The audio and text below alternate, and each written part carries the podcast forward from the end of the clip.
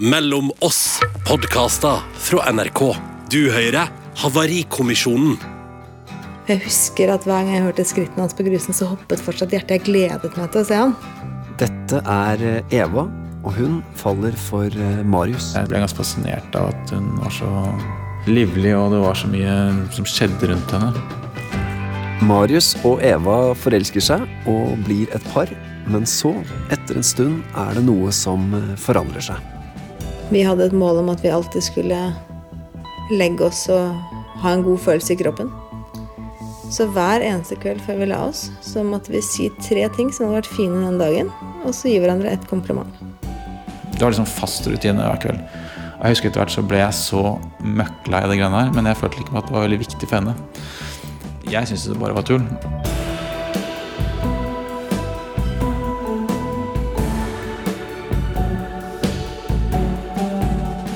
Dette er eh, Havarikommisjonen.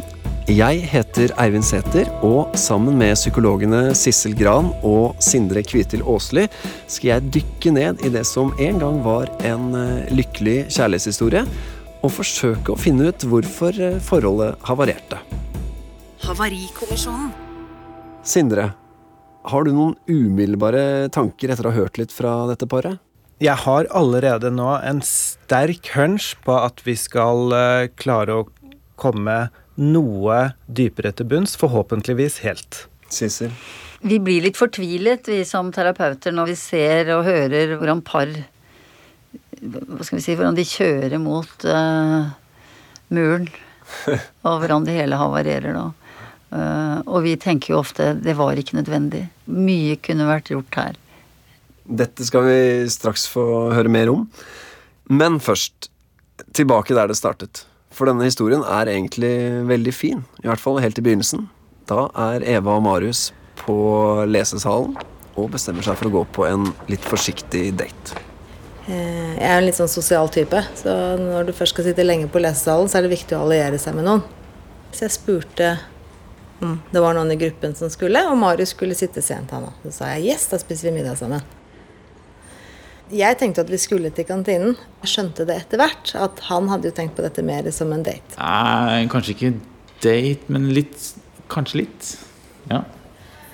Det var et litt sånn øh, Egentlig litt utypisk sånn italiensk restaurant, men øh, mye Altså ganske stort lokale med mye støy og mennesker, så man kunne på en måte være der uten å føle at man var veldig sånn alene med det ene lyset foran seg. Det var øh, ja. Jeg husker at han hadde en sånn hvit, strikket flettegenser. Det var veldig moderne på den tiden. Sikkert i størrelse large, så han burde ha hatt small. Hang rundt han som en sekk. Nei, altså hun har jo et veldig sånn øh, krøllete hår. Så det er et kapittel sånn i et bilde. Um, Og så ble vi sittende og skravle.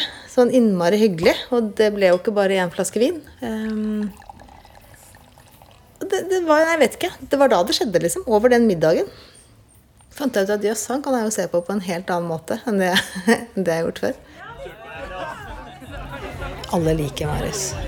Men han kommer ikke inn og tar rommet. Han slår ikke opp døra og sier 'her er jeg'. Og han er ikke den som danser på festen, men han er den som passer på at eh, alle har noe i glassene, at musikken går, fikser og rydder det som skal fikses. Han er liksom den primus motor praktiske som, som sørger for stemningen, men på de mer praktiske tingene. Vi hadde jo fryktelig mye middager og arrangementer for andre, for hun er veldig glad i å stelle stand til uh, i sosiale greier. Jeg ble ganske fascinert av at hun var så livlig, og det var så mye som skjedde rundt henne. Jeg var litt stolt. Jeg følte egentlig at vi eh, var ganske forskjellige på sånn hvor direkte, hvor uh, behovet for å konfrontere eller snakke om alle mulige situasjoner og ting. Hun er veldig sånn forutsigbar i den forstand at hun er veldig direkte. Jeg kommer fra en familie med, hvor man er veldig direkte med hverandre, mens jeg kommer fra en familie hvor man kanskje er litt mer konfliktsky og litt mer Hva heter det? Velger sine kamper med omme, mens der i gården så er det liksom Det er ingenting som slipper unna. Marius sin familie var mye mer fokus på at ting skulle være fint. Eh, Og da mener jeg ikke sånn fasadefint, men ting skulle være bra. Så Marius tror jeg ikke hadde snakket om noe som var vondt og vanskelig i sitt liv før han møtte meg. Og dette var altså der det startet. Tenker du at de er en god match, Sissel? Du vet, I begynnelsen av et forhold så kan man bli veldig begeistret for det at man er så ulik. ikke sant? Han blir begeistret fordi hun er så utadvendt og livlig og morsom og sosial. og Hun syns han er så strålende fordi han er praktisk, han får andre til å føle seg vel. ikke sant? Så de liker hverandre veldig godt. altså.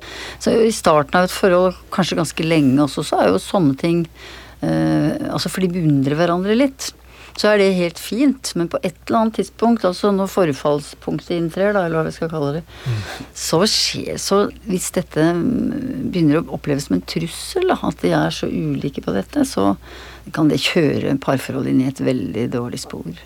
Ja. Nå kjenner jeg at jeg får litt sånn hjertebank, for nå merker jeg at det, altså, er det det jeg har gjort selv. Jeg begynner å tenke sånn, for det, jeg har jo veldig ofte blitt tiltrukket av det jeg ikke er. Så spørsmålet er, som jeg begynner å tenke på når jeg hører dere prate, er jo gjør jeg bare den samme feilen om igjen og om igjen, og finner noen som etter to år kommer til å få problemer med? Ja, men kan, Har du erfaring med det, så kan det godt skje. Jeg har ett brudd bak meg! Ja, ja. Ja. Ett hva er det, da? Du er jo en voksen mann. Ja, det er forstått sant. Hvor mange har du? Jeg ikke- jeg vil ikke si det engang.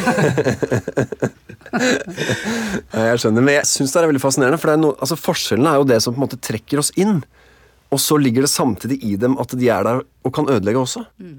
Det kan starte som en eh, liksom forsiden av medaljen, men hvis du ikke er obs på det og håndterer det på en god måte, så kan det fort bli baksiden av medaljen. Og det vi er opptatt av, det er hvordan par veldig fort kan kjøre seg inn i en sånn grunnscene, da. Fordi hun er mer frempå, og han kom fra en familiekultur hvor altså konflikt eh, ikke er greit.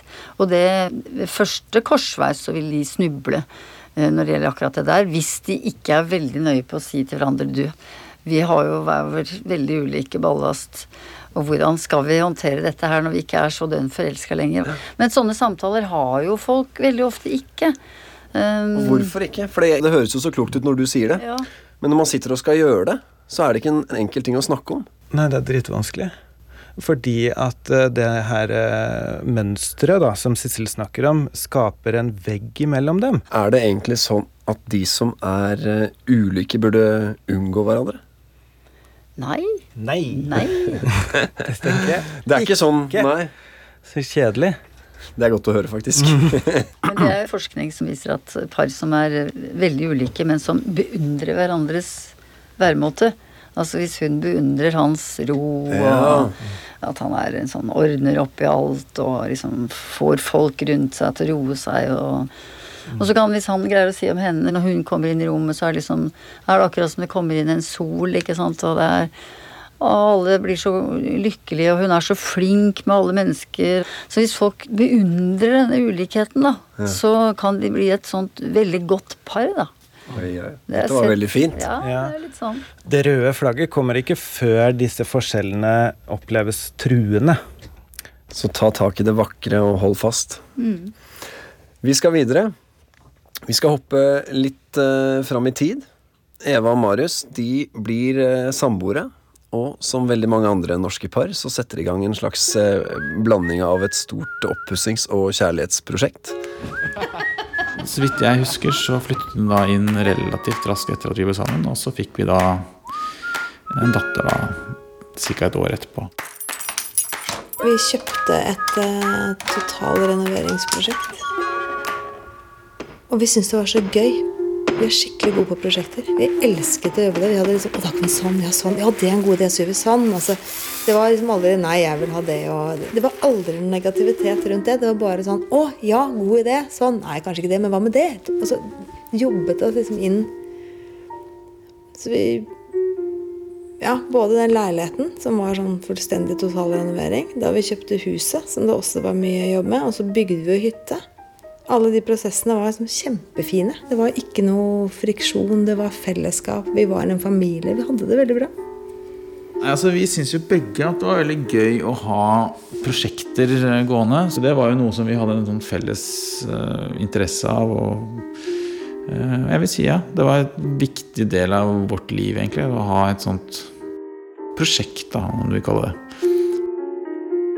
Men Jeg tror jo kanskje at noe av grunnen til at det alltid måtte være prosjektet, var jo også å ta litt sånn uh, Få fokus bort fra kanskje de gnisningene som lå under der.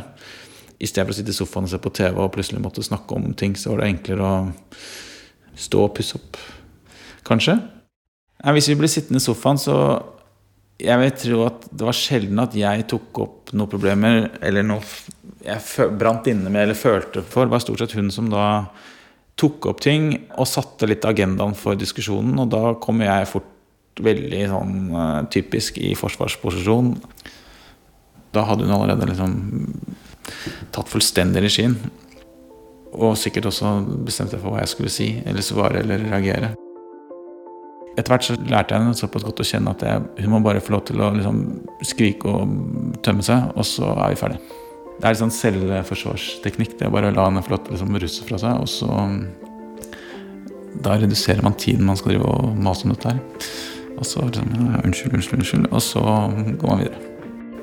Hvis han været at nå var det noe som ikke var så positivt eller kunne bli litt vanskelig, så blir han litt sånn skuddredd, og så skyter jeg istedenfor ja, istedenfor å trekke meg. Så det ble nok en litt dårligere dynamikk mellom oss. Jeg tror kanskje hun følte at jeg av og til var litt fjern. At jeg ikke ga henne nok uh, oppmerksomhet. Uh, både fysisk oppmerksomhet eller gi henne mer sånn attention. Og det var kanskje noe av det som liksom kom opp etter hvert òg, som kanskje var litt mitt savn, da. Fordi hun følte at jeg var så litt fjern, eller litt til stede, så innførte hun en greie om at hver gang vi gikk og la oss, så skulle si to-tre ting som man var fornøyd med i løpet av dagen. Eller som man satte pris på. Og så skulle man gi hverandre to-tre komplimenter. Og det skulle ikke være liksom 'jeg er glad for liv' og 'jeg er glad for sånn'. Det skulle være sånne små ting. Tre sånne ting som du kunne plukke fram den dagen som du kunne dele at hadde vært fine. Det kunne vært noe den andre hadde gjort, eller vært noe selv hadde opplevd, eller hva som helst. Jeg husker etter hvert så ble jeg så møkklei av det greiene her, men jeg følte ikke at det var veldig viktig for henne. Men det ble jo til at dette ble også veldig sånn mekanisk. Hvis ikke du har følelsen ute på kroppen, så er det vanskelig av og til å liksom si ok, hva har vi gjort i dag? Jeg skal gi to komplimenter som jeg ikke har sagt noe hundre ganger før. Men for henne var det jo det en måte å liksom tvinge gjennom en sånn um,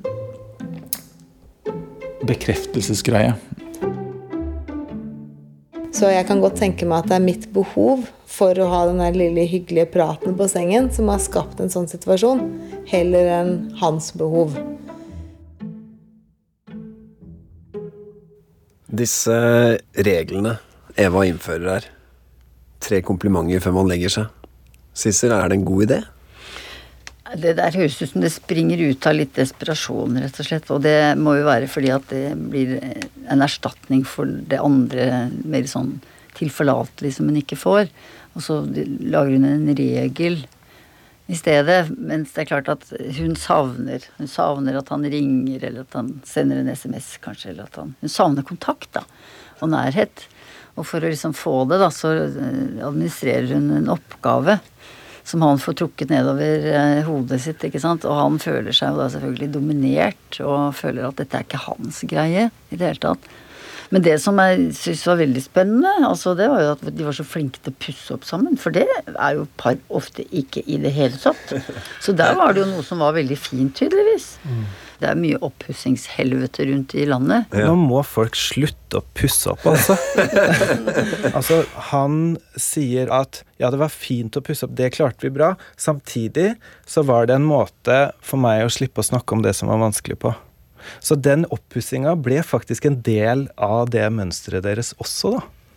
Jeg så jo da dere hørte på dette klippet, at dere så på hverandre og hadde et sånt lite aha-øyeblikk idet Marius begynte å snakke om at han utviklet forsvarsmekanismer. At han lot henne rase fra seg, og på en måte liksom bare lot det passere. Fant ut at det letteste er bare å, å bli sittende stille. Hvorfor var det et aha-øyeblikk? Ja, for det, vi vet at det kan eh, gå veldig galt. Altså hun kan bli sint og sikkert fortvilt. Og, mm. og det han gjør da, den måten han tror at han løser det på, det er at han sitter helt stille og venter til anfallet går over. For det har han liksom erfaring med at det er veldig smart, og det kommer til å gå gærent. Det er en klassisk god manneløsning. Ja. Selvfølgelig, noen ganger så kan vi gjøre det i et forhold, men hvis det blir hovedstrategien hans, så vil hun etter hvert begynne å oppleve han som uinteressert, eller kanskje kald, avvisende. Og det skaper frykt i henne, og hun kommer ikke til å klare å si at hun blir redd. Hun kommer bare til å bli sint, altså vise på en måte de synlige følelsene. Vi skal se om dere får rett i spådommen deres. Hva kan Marius gjøre? Han kan komme tydeligere på banen. Akkurat nå så høres det ut som han går av banen ved å bli stille, men han burde komme tydeligere fram. Og da spør jeg bare som en enkel mann på andre siden av bordet her. Hva er det å komme tydeligere fram? Han burde bli tydeligere for henne. Fordi i hennes øyne så ser nok han ut som at han ikke bryr seg, mens hans virkelige prosjekt her er faktisk å prøve å redde forholdet ved å skåne det for konflikt. Men paradoksalt nok så er det det motsatte som skjer, da. De blir bare fanga i den samme visa om igjen og om igjen. Er det sånn at veien ut uansett er å snakke sammen? Hvis du skal greie å leve sammen med et menneske da, over tid, med barn og familie, så må du bry deg om å bli kjent med den personen. Sånn at ikke vedkommende er en gåte for deg etter de første liksom tre-fire kjærlige månedene. Da er det veldig fint å kunne vite, da, at hun kan vite at ja, han tåler veldig dårlig at jeg blir veldig høyrøsta fordi han blir i grunnen redd. Og han må da skjønne at hvis jeg blir veldig stille og trekker meg unna og sitter liksom sånn avvisende i en krok, så blir hun veldig forvirret og også veldig redd og skjønner ikke hvor hun har meg. Så vi må prøve å være åpne overfor hverandre. Altså, det høres sikkert eh, litt sånn hjelpeløst ut, men dette er egentlig en fantastisk nøkkel, altså. Havarikommisjonen. Ok, vi skal tilbake til Eva og Marius. De er nå godt etablerte, har fått to barn, og etter hvert så begynner hverdagskaoset å gå utover romantikken og lidenskapen. Jeg vil ikke si at vi var et sånt ekstremt lidenskapelig par. Det var liksom ikke passion, men sånn italiensk måte. Og det var kanskje noe av det som liksom kom opp etter hvert òg, som kanskje var litt mitt savn. da. Og jeg husker at han på et eller annet tidspunkt for han spurte ok, hva det liksom, hva du ønsker. Nei, jeg ønsker f.eks. at du Det var jo før alle disse appene kom. At du bare ringer meg. Og da husker jeg at han fortalte at han skrev sånn gul Post-It-lapp som han hang på, på skjermen på jobben. Hvor det stod 'Husk å ringe og si at du elsker henne'. Og så hadde en kollega da kommet inn og bare «Nei, Glem det. Så den lappen blitt liksom tatt ned.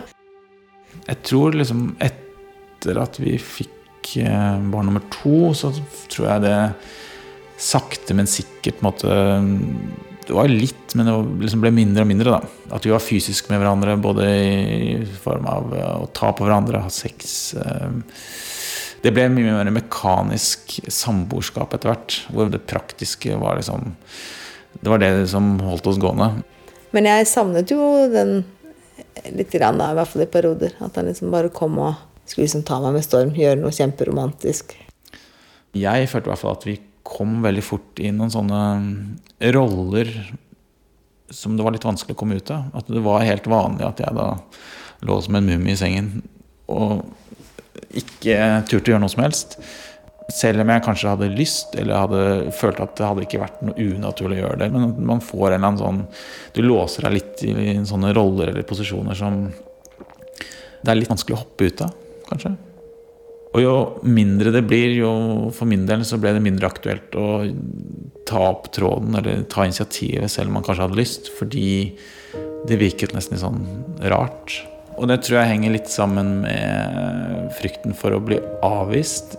Ikke nødvendigvis at eh, For jeg vet jo innerst inne at hun hadde satt pris på hvis jeg hadde tatt hånden hennes eller noe sånt.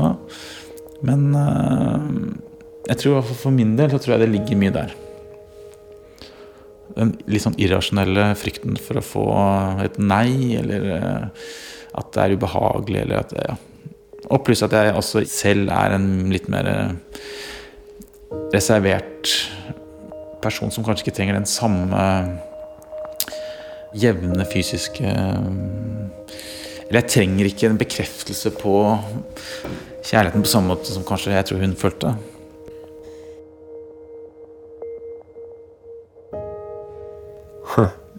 Dette er store og såre ting. Hva er det dere hører for noe? Nei, jeg får veldig hjerte for det, altså. Eh, her hører jeg jo at dette mønsteret som vi snakker om, det har flytta inn på soverommet også. Det er jo forferdelig å høre han når han sier at jeg Etter hvert lå jeg som en mumie i senga. Ja. Helt urørlig, ikke sant, og redd for å gjøre noe feil, eller redd for å bli avvist, eller at det har blitt en sånn fremmedfølelse i forholdet. Det er ikke trygt lenger, ikke sant. Det er ikke trygt å strekke ut en hånd eller be om noe, eller gi en klem eller være litt pågående. Selv om hun ønsker seg at han skal ta henne med storm, så orker ikke eller kan ikke han det. Jeg vet ikke hvordan han skal gjøre det. Altså sånn at eh, Nå sitter det helt fast. Hun nevner den italienske mannen hun skulle ønske kom og feide henne lidenskapelig unna. På vegne av oss norske menn, da. Må det være så himla stort og fantastisk? Kan det ikke bare være sånn ålreit liten nærhetsgreie? Jo, jeg skulle ønske det. Men jeg er mye mer opptatt av kvaliteten i sexlivet enn kvantiteten. Altså det er et overfokus på kvantitet i samfunnet vårt. Og kvalitet kan ligge nettopp i et stryk, en klem, et kompliment. Eh, Når vi begynner å snakke om seksualitet, så tenker vi så veldig fort på sexakten. Men det er utrolig mye mellom null og knull, som Espen Ester Pirelli sier. Klyp i rumpa. Det kan være riktig fint, det. Jeg tenker på hun har fått to barn. Og i en sånn situasjon, og etter liksom å ha blitt tobarnsmor, så vil nok mange kvinner trenge litt mer, hva skal vi si, en form for sånn begjær da fra mannens side for å føle at de er ålreit, at de er flotte, og at de er fortsatt nydelige og sånn. At de, de trenger mer flørt og mer åpent begjær. Og så er det veldig vanskelig for kvinner å si det. Det er veldig vanskelig for moderne norske kvinner å si 'jeg lengter etter at du begjærer meg', og at du ser på meg med et sultent og lidenskapelig blikk, for jeg føler meg ganske blass. Det er sårbart å si det. Veldig. Men bare sånn liten note to self at uh, i denne småbarnsperioden så handler det egentlig bare om å, å gønne på med små komplimenter og tilnærmelser. Ja, gjør det, og styr unna de derre artiklene som forteller deg om hvor mye sex du bør ha, og hvordan du kan eh, ha supersex åtte ganger i uka. Det er ikke veien å gå, for det igjen bare øker den skamfølelsen av å ikke få det til. Og da må jeg jo bare spørre, altså, er, er man nødt til å ligge sammen? Må det ligges hele tiden? Altså Fra et evolusjonsmessig perspektiv, når du har fått to barn, så vil jo mange kvinner si 'nå har jeg gjort jobben'. Ja, det sier de også. Takk for meg når det Altså, gjelder akkurat dette. Jeg kan gjøre alt mulig annet og fint og sånn, men nå har jeg bidratt til eh, klodens overlevelse. Så nå gidder ikke jeg å sexe så veldig mye mer. Det er kan- veldig rart for oss menn å Ja, oppleve. mhm, ja, for du, For vi er alltid klar for mer sexing, som du kaller det. Og, og hvis vi skal være litt konkrete her, med Eva og Marius, der hvor de er nå, hva bør de gjøre? Hva bør de si til hverandre? de bør jo bare si det som skjer. Ja. Her ligger jeg som en mumie i senga og vet ikke om jeg kan ta på det engang, og det er skikkelig trist, og jeg er lei meg for det. Men hvorfor ligger jeg her som en mumie i senga? Jeg skjønner ikke meg selv helt, jeg. Hjelp. Sannheten fungerer. Ja, det å reflektere høyt rundt hva som faktisk skjer, i stedet for å prøve å finne på noe lurt, så er det i grunnen bare å si at her ligger vi som mumier. Hvordan har vi havnet her, da? Havarikommisjonen. Vi skal eh, videre i historien om Eva og Marius. For nå skjer det noe som virkelig setter eh, forholdet på prøve. Eva er på en jobbreise i Asia, og en natt våkner hun på hotellet til noe veldig dramatisk. Så våkner jeg på natten av et sånt ekstremt bråk og hyling og skriking og roping og smell. Det dunker i døra mi. Det dunker i døra på naborommet. Det dunker liksom i dører overalt. Og jeg klarer ikke å eh, liksom, plassere lyden. Jeg skjønner ikke hva noen sier. Jeg blir liksom helt stiv av skrekk der jeg ligger i sengen. Ehm, Det dunker mange ganger i døren min. Det sånn, blir sånn hull, hakk, etter det jeg skjønner etterpå. Er, det skjønner jeg ikke før dagen etter. Det er en geværkolbe som har liksom vært på vei gjennom døra mi. Det er masse lyd. Det er skudd. Det er flere skudd. eh, Og så forsvinner lyden.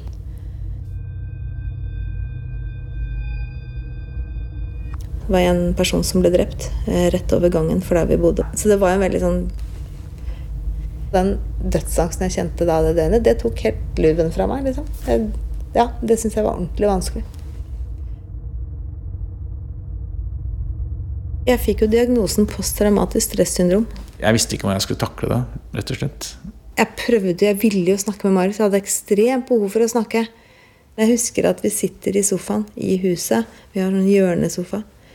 Eh, Hvor Marius sitter i hjørnet, og jeg sitter liksom litt sånn sidelengs i sofaen og vendt mot han og prøver å forklare. Ja, han prøver å lytte, og jeg ser at jeg ikke når igjennom. Og så, så én ting var på en måte at jeg ikke visste hvordan jeg skulle håndtere det sånn rent sånn følelsesmessig og sånn, men jeg, liksom, det, men jeg merket også at jeg etter hvert også liksom mistet litt sånn lysten til å være veldig til stede også. Eh, fordi det kostet meg mye å gjøre det. At det nærmest blir sånn åh, må du liksom mase om det der eh, triste greiene der? Vi prøvde jo over lang tid etter det hadde begynt å rakne, så gikk vi jo og snakket med en dame som prøvde å hjelpe oss å løpe oss sammen. Vi hadde jo de beste intensjoner om å få til. De timene der følte jeg var egentlig sånn bortkastet. Jeg egentlig vel innerst inne hadde bestemt meg for at dette her er ikke noe jeg har lyst til å reparere. Det var et tidspunkt på, på slutten hvor jeg følte at han liksom ikke sto nok opp for seg selv. Hvor han dro på et kurs en helg. Jeg husker ikke helt hvem som foreslo det kurset. Eh, Jeg tror det var eh, at vi fikk tips om det fra andre. Jeg ble sendt på sånn eh, bli mann-kurs. Jeg tror det var litt det å liksom bli litt mer bevisst på deg selv og stå litt mer frem og ta litt mer plass, kanskje. Så da ble jeg sendt på et kurs sånn tre dager, en helg eller hva det var for noe, med noen sånne karer som hadde dette kurset her. Det som kom ut av det, var jo for det første at han skjønte at hvis han ville noe, så måtte han si det. Altså Hvis han ikke hadde lyst til å prate om noe, eller hadde lyst til å prate om noe, så må du si det. Og så ble det litt morsomt, for da hadde han lært at han skulle si det sånn Ja, det vil jeg. Nei, det vil jeg ikke. Så det var sånn Vil du ha poteter? Ja, jeg vil ha poteter. Sånn rundt middagsbordet. Så det ble mye humor rundt det òg, men det var også en veldig bevisstgjøring for oss begge. Der var det veldig sånn at du må bare si alt det du tenker. og sånn. Men eh, altså, det passet liksom ikke inn i min måte å være på. Jeg sa jo ikke at dette var noe ordentlig brøl, men eh, jeg kunne på en måte fortelle noen morsomme historier. Og bare ok, er ferdig med det. Nå skal ikke gjøre det mer. Her er det i ferd med å rakne skikkelig. Ja, jeg tror nådestøtet eh, var da hun ble utsatt for den, eller de traumatiske hendelsene der hun var, og var grunnleggende redd og utrygg. Det vi trenger aller mest da, det er at de vi har nær oss, er der for oss og kan holde oss. De trenger ikke å si noe engang, de kan bare holde oss i favnen. Riktig. Så dette er skjebnetimen, og han svikter. Dessverre så gjør han det. Han svikter ikke fordi han vil, det er ikke det, men han svikter fordi han er helt hjelpeløs. For meg så høres det ut som at han i utgangspunktet er hjelpeløs og redd sjøl, og så leder det han inn i en irritasjon. Sissel, hva, hva tenker du når du hører eh, Eva Morris her? Det er jo akkurat som Sindre sier, det er jo ikke, han svikter jo ikke fordi at han ikke bryr seg eller er likegyldig, men han vet ikke hva han skal gjøre. Han, han unngår det så godt han kan i veldig mange av livets situasjoner. Og for henne oppleves det som at han ikke bryr seg, som vi har sagt noen ganger. Og at han ikke um, tar vare på henne, da. Hun har ikke gitt opp, høres det ut som. Nei, Hva er det hun har gått glipp av? Jeg tror ikke, altså hun er, jo, hun er jo veldig vant til å ikke gi seg. Hun er jo veldig vant til å gå på, forsøke. Og det er helt tydelig at håpet hennes er ikke helt borte ennå, men det høres ut som håpet er borte hos han. Ja. At det på en måte har knekket. At han har gitt opp, eller han er på en måte hele emosjonelle båndet mellom dem har røket da, for han. Mens hun har ikke helt, hun har ikke helt fått med seg det. Um, og har fortsatt litt grann håp. Kunne hun ha gjort noe for å få ham med over i båten sin? Når de er i denne situasjonen som de er nå, Så er det ferdig? Ja, altså det Fordi det høres ut som hans håp er brutt. Jeg tror han lengter bort fra både skammen og udugeligheten og de vanskelige samtalene og kravene om at han skal åpne seg. Og så syns jeg det er forferdelig å føle seg sendt av gårde på et bli mann-kurs. Ja, det er godt du tar det opp, for det, det den stakk i sjela mi òg. Ja, Altså. jeg syns det, det er så veldig godt ment og alt og sånn, men Mm. hvis han hadde villet det, hvis han hadde sagt til seg selv nei, nå må jeg gjøre noe, altså nå må Mm. jeg virkelig f få litt fart på meg her, nå har jeg liksom synker jeg litt sammen. Nei, så skal jeg jammen meg gå på et selvutviklingskurs, og det skal jeg gjøre fordi jeg vil det. Han er nok eh, skikkelig utbrent av det mønsteret som har herja med de nå i lang tid. Er det oss menn, er det vårt problem at vi er så stille? Er det vi som feiler? Nei, sånne som oss som er terapeuter, vi fordeler jo ikke skyld på den måten i det hele tatt. Det er ikke interessant for oss. Nei. For vi er liksom parets allierte. Altså når, når par kommer inn til oss helt i starten, så er de ofte veldig opptatt av å fordele skyld. Det er liksom, Vi må gå fra rettssak til terapi, da. Nei, hadde han bare snakka, så hadde jeg slutta å kjefte. Og så sier han at hadde hun slutta å kjefte, så hadde jeg begynt å snakke. Og da er det vår jobb til å prøve å hjelpe de ut av den posisjonen. Skal en veldig flink terapeut til å prøve å få en som er i ferd med å disengasjere seg helt, til å bli engasjert igjen. Og samtidig som du da skal hjelpe den andre, altså henne, til å bli mer myk i måten sin å henvende seg til han på. Det krever veldig mye. La oss høre litt om hvor det blir av Eva og Marius. Vi hadde nyttår med noen venner på fjellet. Og på liksom Det var kanskje vært selve nyttårsaften. Godt utpå natta der så husker jeg en sånn episode hvor han sitter ved bordet, og gjør vel egentlig ingenting eh, gærent i det hele tatt. Eh, så husker jeg at jeg ser på han, så kjenner jeg at det er feil. Det er egentlig første gangen jeg kjenner liksom en sterk følelse at her skal jeg ikke være. Nei, altså det kommer jo selvfølgelig til et punkt da hvor vi satte oss ned. og Jeg husker ikke hvem som egentlig tok initiativet til det, men eh, jeg lurer på faktisk om det var jeg som gjorde det. Eh, og jeg sa at nå er det på tide at vi eh, gjør noe med dette her, fordi vi kan ikke gå rundt og være ulykkelige i hverandres selskap resten av livet. Det er for mange år igjen av livet. Hun har behov for å bli sett og elsket, og jeg har også det. Eh, Jeg tror det var en riktig beslutning at vi på et eller annet tidspunkt sa at nå, nok er nok. Eh, La oss heller avslutte her mens vi er gode venner.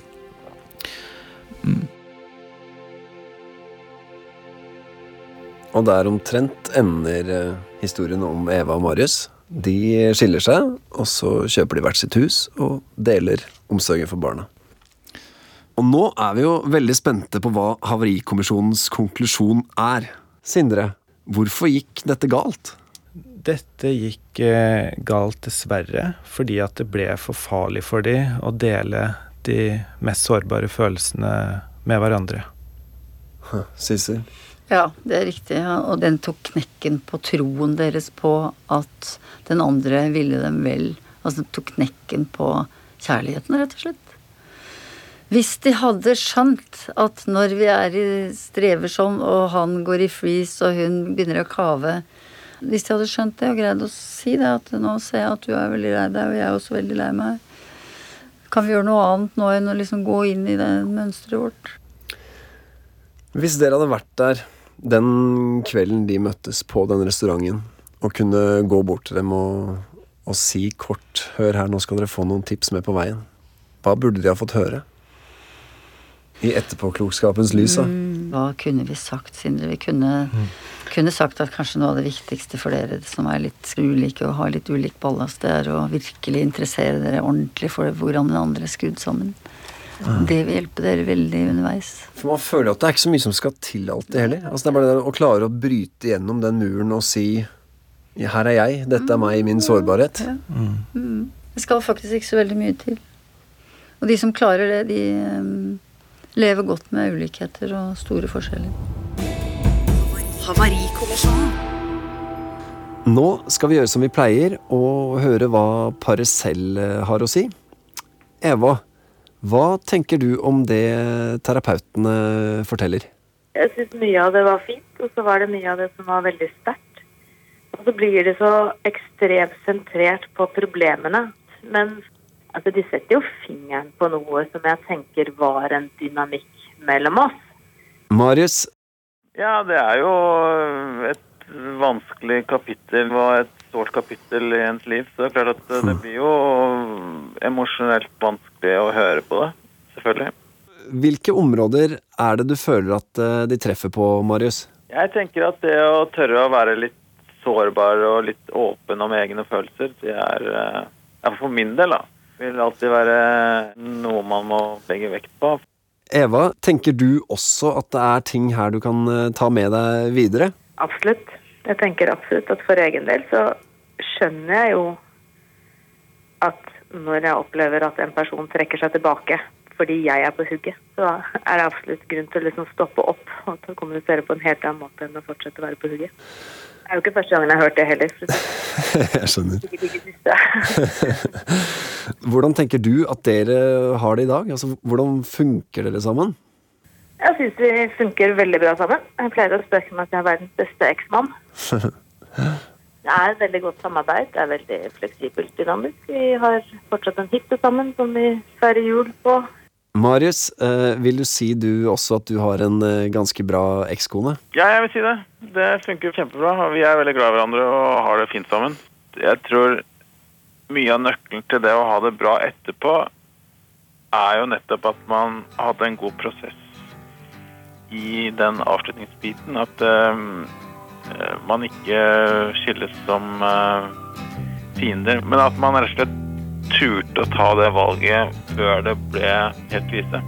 Riktig. Så det er på en måte noe fint eh, også på vei ut her.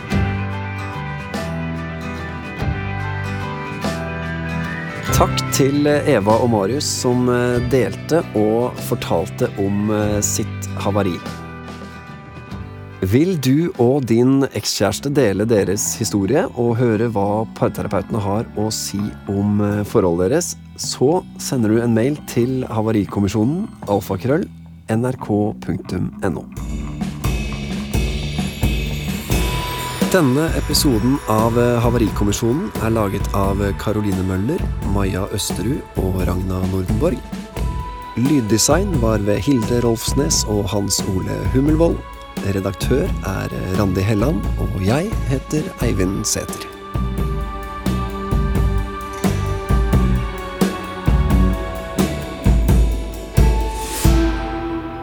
Du har hørt en podkast fra NRK. Du kan nå høre alle episodene i denne serien i appen NRK Radio. Hvordan forklarer en mann at han har slått kona si i alle år? Og hvordan forklarer den samme kona at hun har blitt i det ekteskapet i like mange år? Dette skal vi dykke ned i neste uke her i Mellom oss. Jeg heter Anne Dorte Lunås og har laget dokumentarserien En helt vanlig familie. For det var det de så ut som. En helt vanlig familie som bodde i det fineste strøket i det fineste huset. Ingvild vokste opp her, og dette er hennes fortelling. Vi får bli med når hun for første gang, som voksen, konfronterer foreldrene sine med hvordan det var å vokse opp i et voldelig hjem. Hør En helt vanlig familie her i Mellom oss 9. desember.